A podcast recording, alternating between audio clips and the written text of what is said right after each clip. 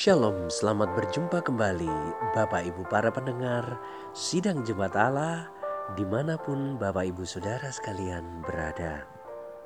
Saya percaya Bapak Ibu Saudara sekalian dalam kondisi yang sehat, diberkati oleh Tuhan, dipelihara dalam segala kebaikan, serta kemurahan Tuhan.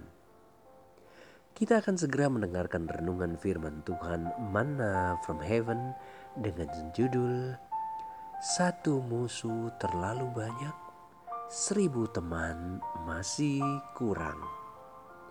Firman Tuhan kita terambil dalam Lukas pasal 6 ayat 33. Di situ dikatakan, sebab jikalau kamu berbuat baik kepada orang yang berbuat baik kepadamu, apakah jasamu? Orang-orang berdosa pun berbuat demikian. Di suatu daerah tinggallah dua keluarga yang hidup berdekatan. Tetangga yang satu bekerja sebagai pemburu, sedangkan yang lain sebagai petani. Keluarga petani akhir-akhir ini dibuat kesal dengan tindakan keluarga pemburu. Anjing pemburu yang biasa selalu ada dalam kandang sering kali dikeluarkan sehingga menginjak-injak tanaman dari petani tersebut. Sudah beberapa kali keluarga petani itu berbicara dengan keluarga pemburu, tetapi sepertinya masukan itu tidak digubrisnya. Bahkan si pemburu selalu memasang muka angker setiap berpapasan dengan si petani. Karena merasa permintaannya tidak dihiraukan oleh si pemburu, maka si petani berniat untuk melaporkan hal tersebut kepada Pak Hakim yang ada di kota, supaya masalah ini diselesaikan secara hukum saja. Ketika si petani mengutarakan permasalahan yang terjadi pada dirinya dengan si pemburu kepada Pak Hakim, Pak Hakim menjawab, "Memang masalah ini kamu di pihak yang benar. Dan bisa saja saya menjatuhkan hukuman kepada si pemburu. Tetapi coba kamu pikirkan terlebih dahulu. Nanti ketika si pemburu sudah bebas dari hukuman, kamu akan menambah satu musuh dalam hidupmu. Apakah tidak bisa kamu memikirkan cara untuk berbuat baik, suatu kebaikan kepada si pemburu itu? Mendengar jawaban hakim itu, sang petani merasa kecewa. Dia merasa aneh dengan jawaban itu. Kenapa hal yang sudah jelas permasalahannya tidak segera diambil tindakannya oleh Pak Hakim. Tetapi dia berpikir lagi bahwa mungkin perkataan hakim itu ada benarnya juga. Dalam perjalanan pulang, si petani berpikir kira-kira perbuatan baik apa yang akan dia lakukan kepada si pemburu yang sangat menjengkelkan itu. Si petani ingat dia punya seekor anak domba yang masih kecil dan lucu-lucu. Dia berpikir kalau anak domba itu akan diserahkan kepada anak si pemburu yang masih kecil. Tentu anak itu akan senang pikir petani. Sampai di rumah sang petani buru-buru mengambil seekor anak domba, dipilihnya dan diberikan kepada anak si pemburu yang sedang bermain di halaman rumah. Wah, begitu senangnya anak pemburu itu dengan anak domba yang baru saja diberikan sang petani.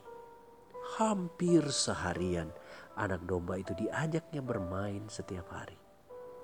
Tetapi ada yang mengganggu kalau anak pemburu itu bermain dengan anak domba karena anjing pemburu selalu mengancam anak domba setiap saat kala anjing itu keluar dari kandangnya.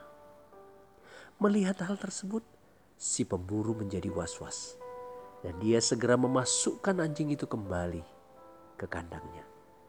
Dia tidak ingin mengecewakan anaknya yang sedang bermain dengan anak domba itu. Nah, sejak saat itu, Bapak Ibu para pendengar saudara sekalian,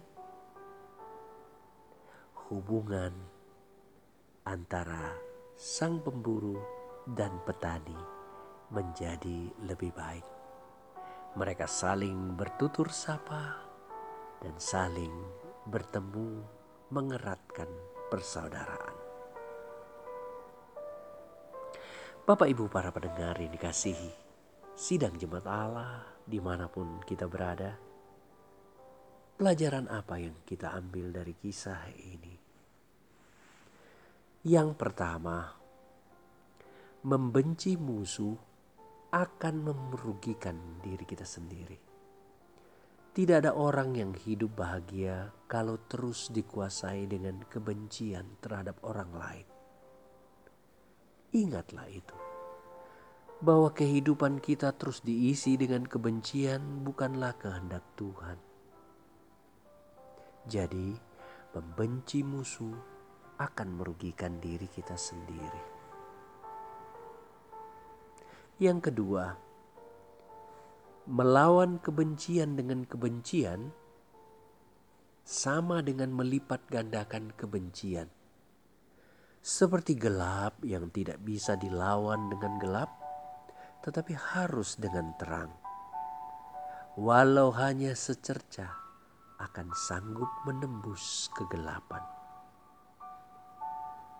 Melawan kebencian dengan kebencian akan melipat gandakan kebencian. Yang ketiga,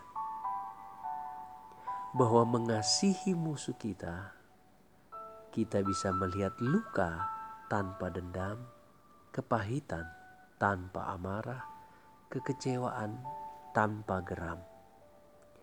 Kita memandang kesempatan ini sebagai jalan Tuhan Yesus untuk memulihkan hubungan kita. Alfred Plummer pernah berkata, "Membalas kebaikan dengan kejahatan adalah tabiat iblis. Membalas kebaikan dengan kebaikan adalah tabiat manusia. Tetapi membalas kejahatan dengan kebaikan adalah tabiat ilahi. Nah, Bapak Ibu para pendengar yang dikasihi Tuhan, maukah Bapak Ibu memperbanyak kawan, memperbanyak sahabat, dan semakin mengurangi musuh-musuh kita? Bukankah itu suatu hal yang indah? Dengarkan ini, membalas kebaikan dengan kebaikan adalah tabiat manusiawi kita. Membalas kebaikan dengan kejahatan adalah tabiat iblis. Sementara membalas kebaikan, membalas kejahatan dengan kebaikan adalah tabiat ilahi. Tuhan Yesus memberkati kita, Bapak Ibu para pendengar, sidang jemaat Allah di mana pun kita berada. Selamat membalas kejahatan dengan kebaikan. Immanuel